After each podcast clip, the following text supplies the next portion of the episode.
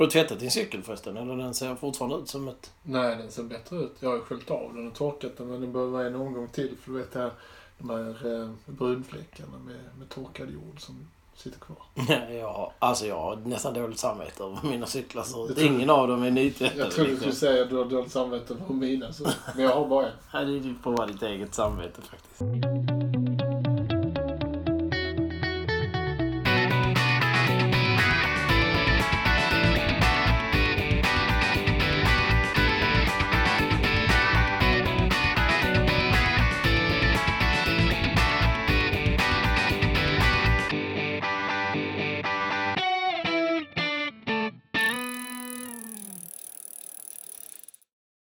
Välkommen till eh, podden Skogscyklisterna som presenteras av Team Sunte Mountainbike. Jag som pratar heter Joakim Jönsson och vid min sida har jag Mikael Frölich. Ja, visst. Välkomna alla. Eh, Och idag så ska vi prata om vad mountainbike egentligen är. Ja, det är ett ganska stort ämne egentligen. Men vi ska försöka bena ut vad det är frågan om. För mountainbike är en sport som är lite olika beroende på vad man har för förutsättningar och önskemål. Möjligheterna är ju enorma och det i sig kan ju vara faktiskt lite förvirrande för den som är helt ny för sporten. Men det är ju detta vi ska hjälpa till med, Jocke.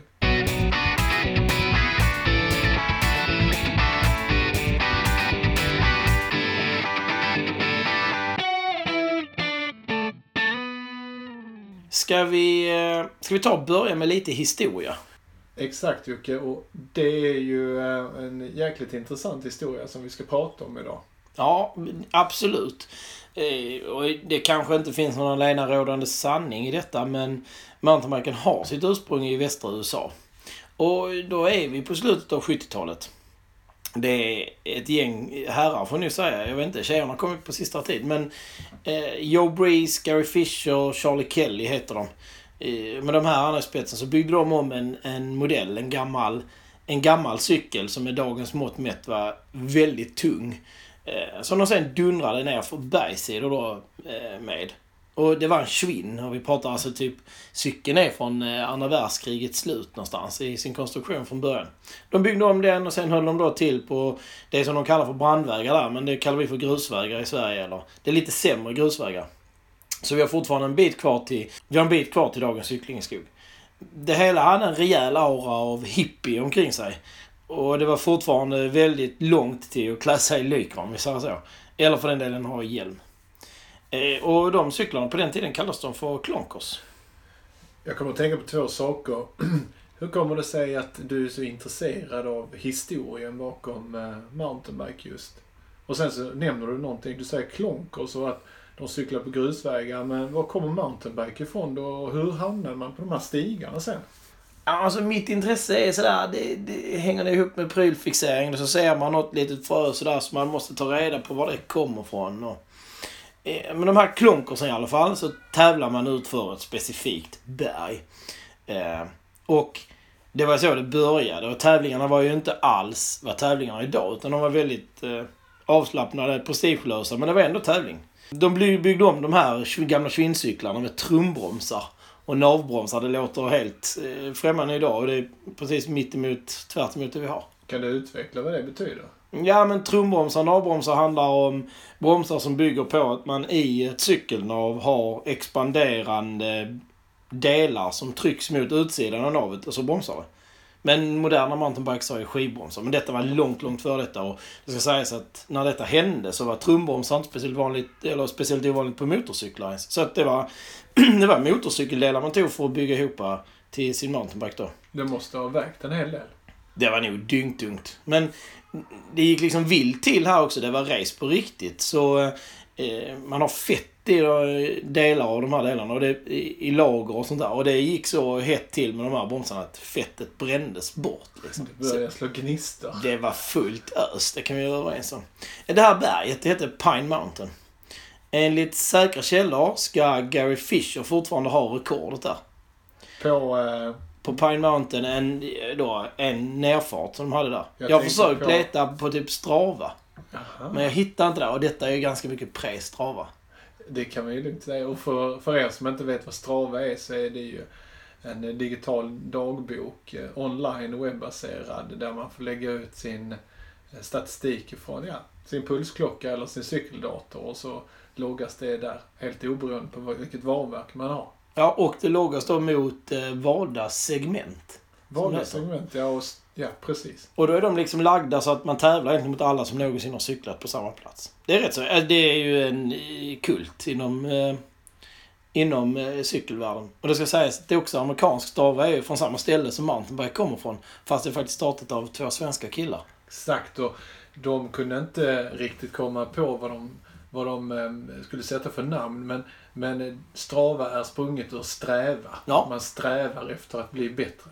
Det finns på Stravas hemsida en story om detta faktiskt. Jaha, och Ja. de är ju jämtar, de två killarna. Ja, de, och de är förmodligen ekonomiskt oberoende vid det här laget också. Ja. Ja, cool idé. Man tävlar alltid med alla man känner eller även om man inte känner. Det finns många cykelproffs på Strava och sånt man kan mäta sig mot också. Det är rätt så kul. Det ska dock sägas där med att Gary Fisher var, tog rekordet där, att han var en, en väldigt duglig landsvägscyklist. Men han blev faktiskt förbjuden att tävla eftersom hans hår var för långt.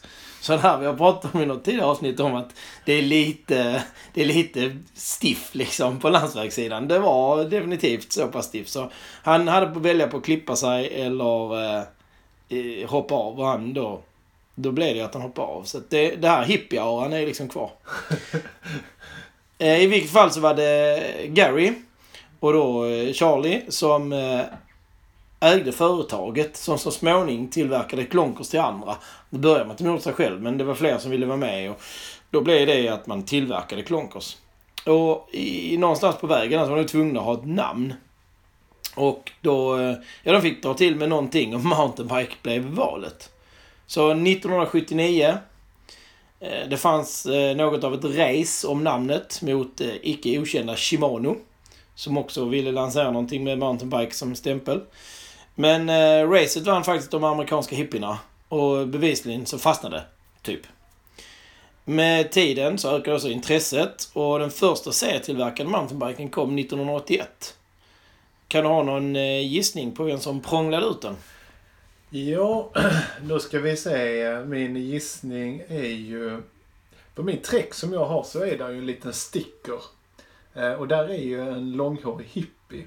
Eh, och så har den sitt namn. Och då gissar jag eh, att det är träck vi pratar om. Alltså det är en riktigt kvalificerad gissning. Och det stämmer att Gary Fisher landade tillsammans med Trek efter en tid.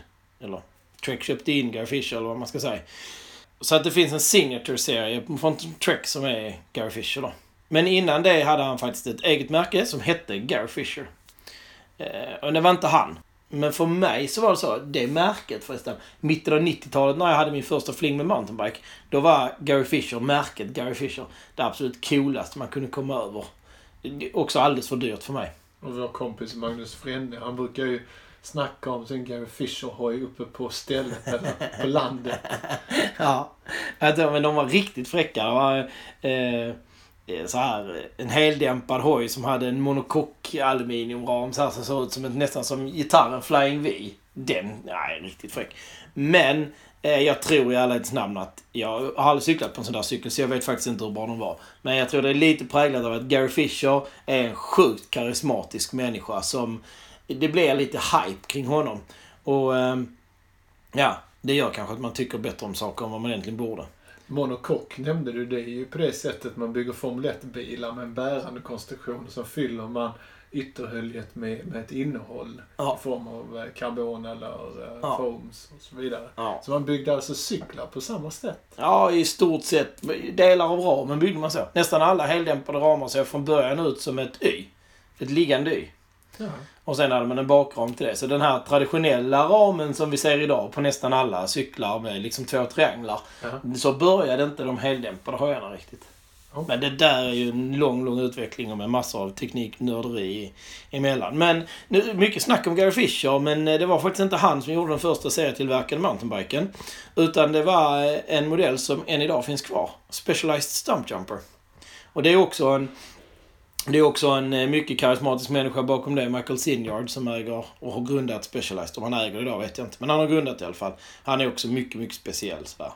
Men genom 80-talet, 90-talet så växte sporten fram och den blev etablerad och blev givetvis betydligt mer tillgänglig och försvann från eh, eh, subkulturella hippiesamhällen i västra USA och blev faktiskt för vem som helst. Det är jätteintressant. Alltihop det du säger, det tycker jag är fascinerande. Och det, det är vad jag har fastnat hos dig, att du är en extremt duktig storyteller. Eh, men nu måste vi komma in på de olika sätten att cykla mountainbike och göra det lite överskådligt och vi måste vara konkreta.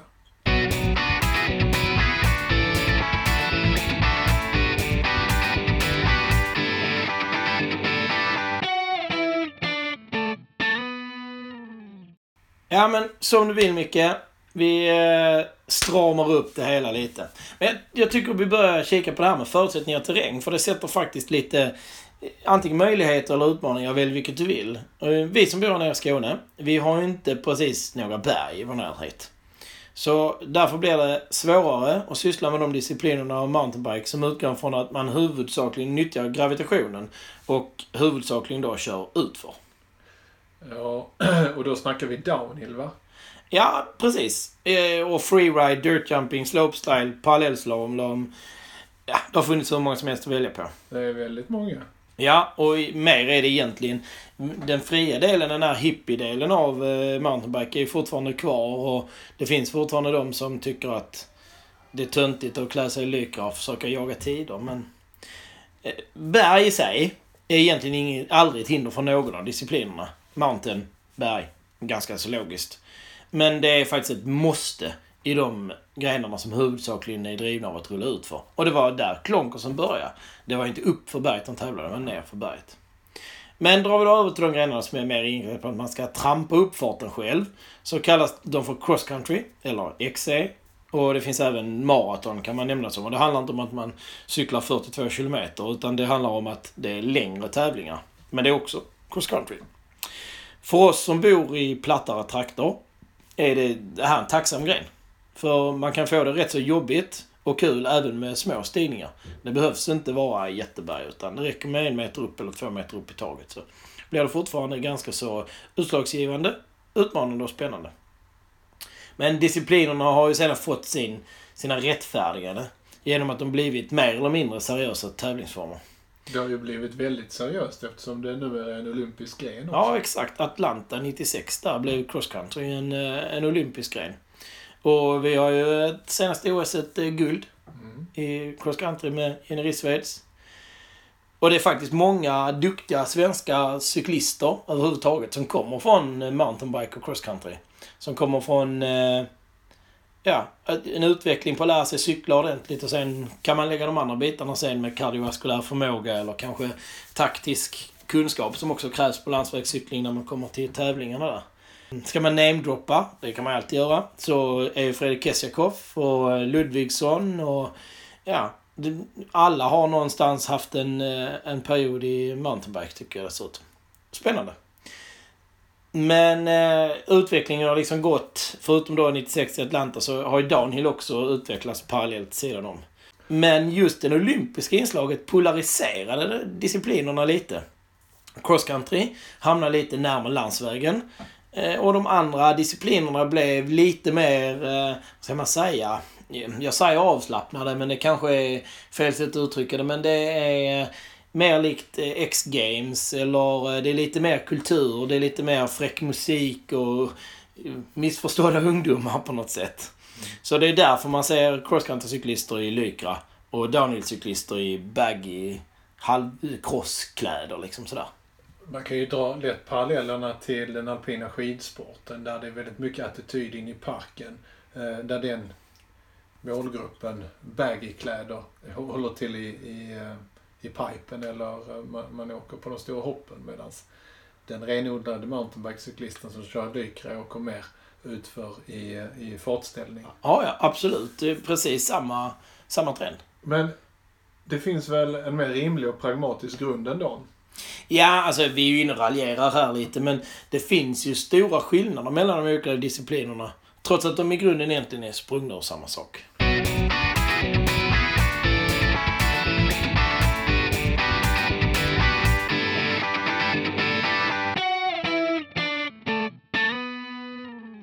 Jag är med på allt och nog för det är intressant att lyssna på men vad ska man hitta sig själv i allt detta när man vill börja cykla i skogen?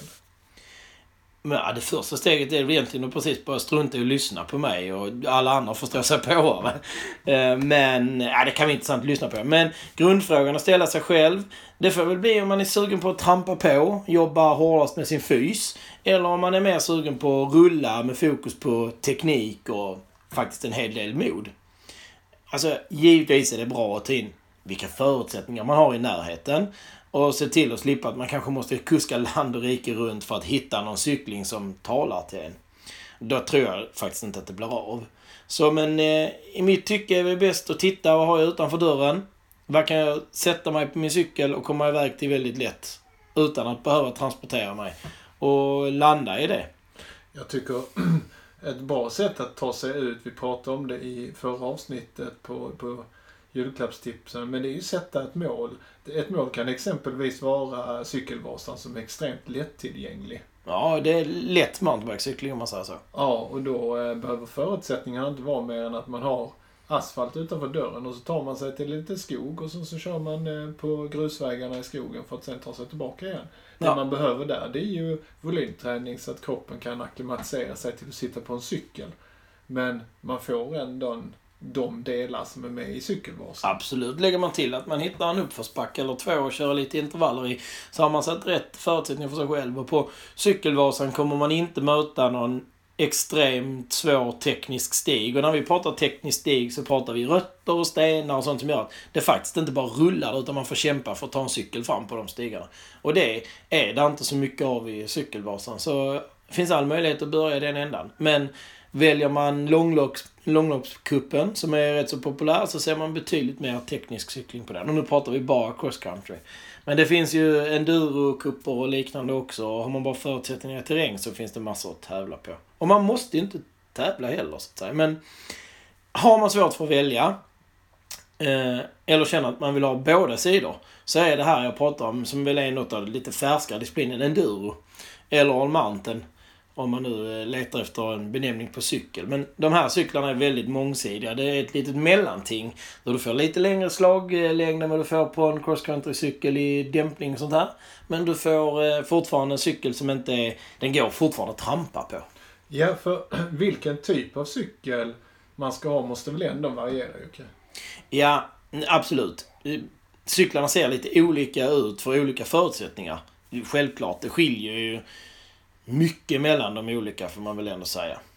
Och då vill jag säga att det är också okej att ha mer än en cykel. Bor man med förutsättningar för att ha mer än en cykel så go ahead.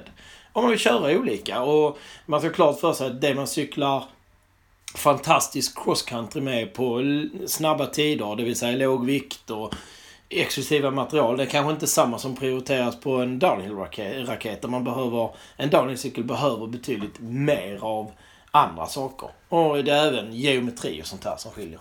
Och då skulle jag vilja passa på att och skicka ut en liten trånare till de som, som jobbar med cykel. Eh, se till att vara på um, um, lördagar och söndagar på de här epicenterna runt om i Sverige och låt konsumenter testa cyklar. För det är ju det absolut bästa idag eh, om man är i, eh, i den starten där man inte riktigt vet vad man vill och vad det är för cykel man vill ha. Ja.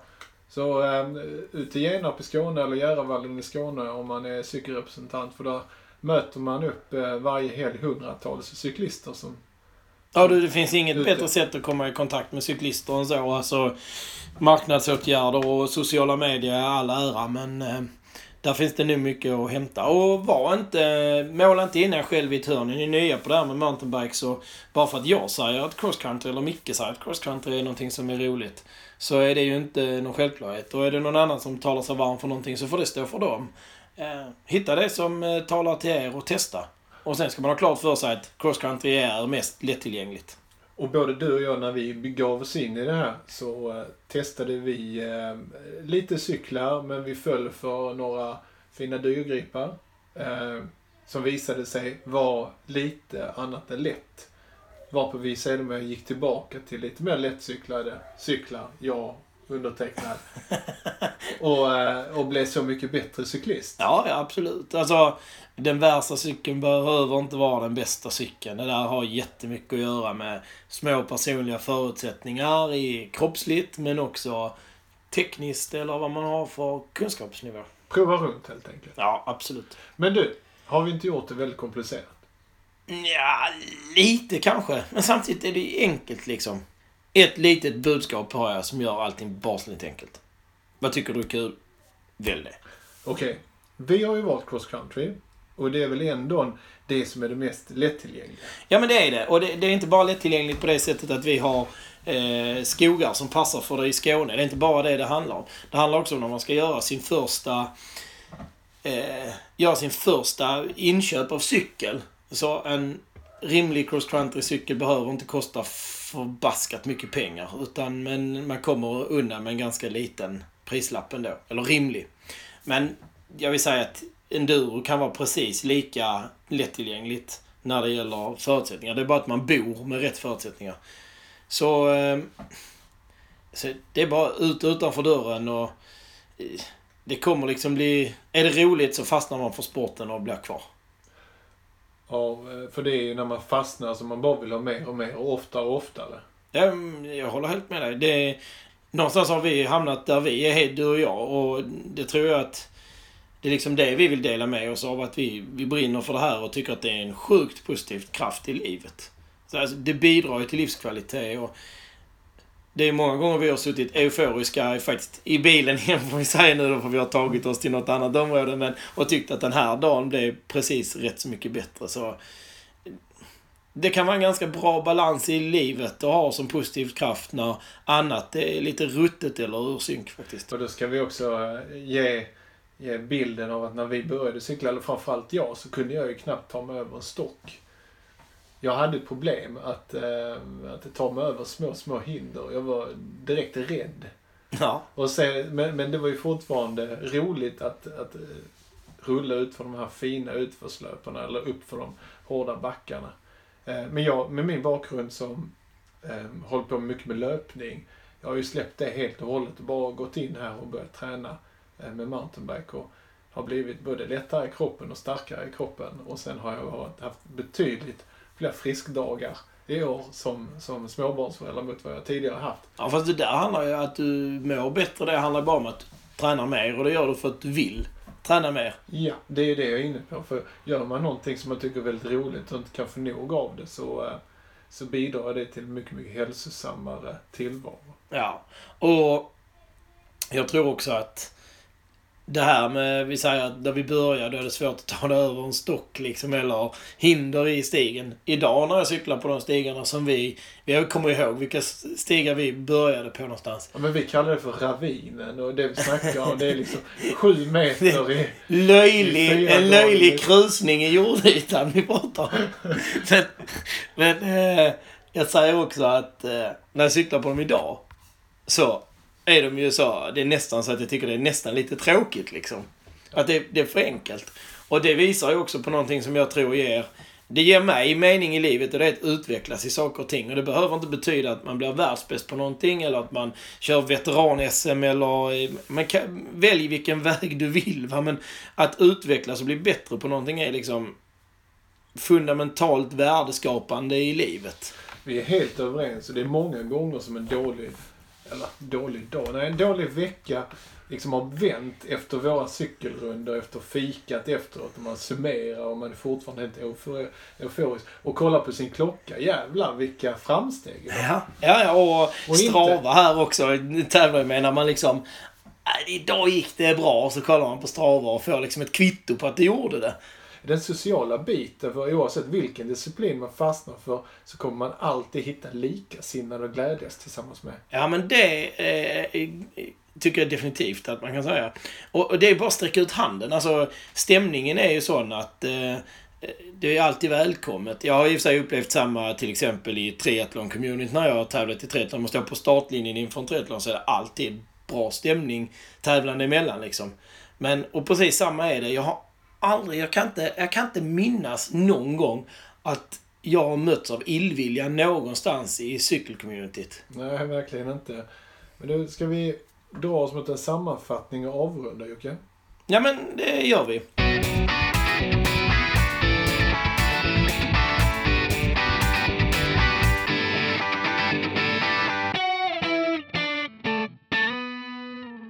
Om det här med mountainbike lockar dig, tror jag redan att du har en aning om vad du vill ha ut av det. Och då säger jag, kör. Bara gör det. Ta några steg närmare, hyr en cykel, låna en cykel, eller för all del, köp. Bara kom ut och prova. Vad är det värsta som kan hända? Kan vi droppa var man kan hyra cykel i vår närhet? Ute i uh, Genarp finns det ju möjlighet att hyra. Vi Mm. kan länka till det till och med. Ja, det vi i kunna göra. avsnittet.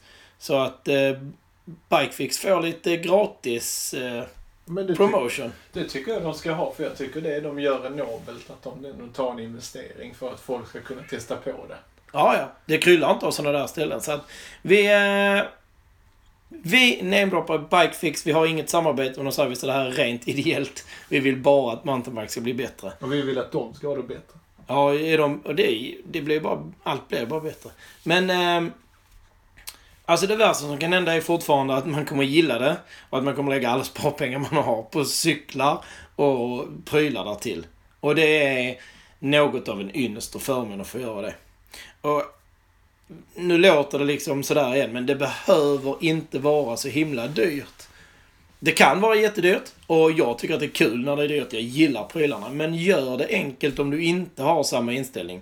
Prova det som lockar dig. Våga misslyckas. Vad kan, vad kan hända om man misslyckas? Man kan slå sig lite grann, men det är ju...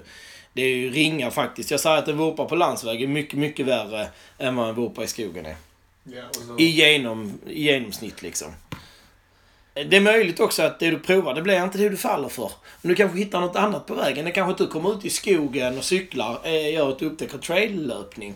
Ja, fine. Då är, vi, då är vi hemma. Och för dig som redan är fast, vilket kanske är de flesta av våra lyssnare gissar jag. Våga prova något mer. Gör något nytt. Gå utanför komfortzonen. I sämsta fall lär du dig något nytt och befäster att du gillar det du redan gillade. och så har man kul på vägen. Exakt.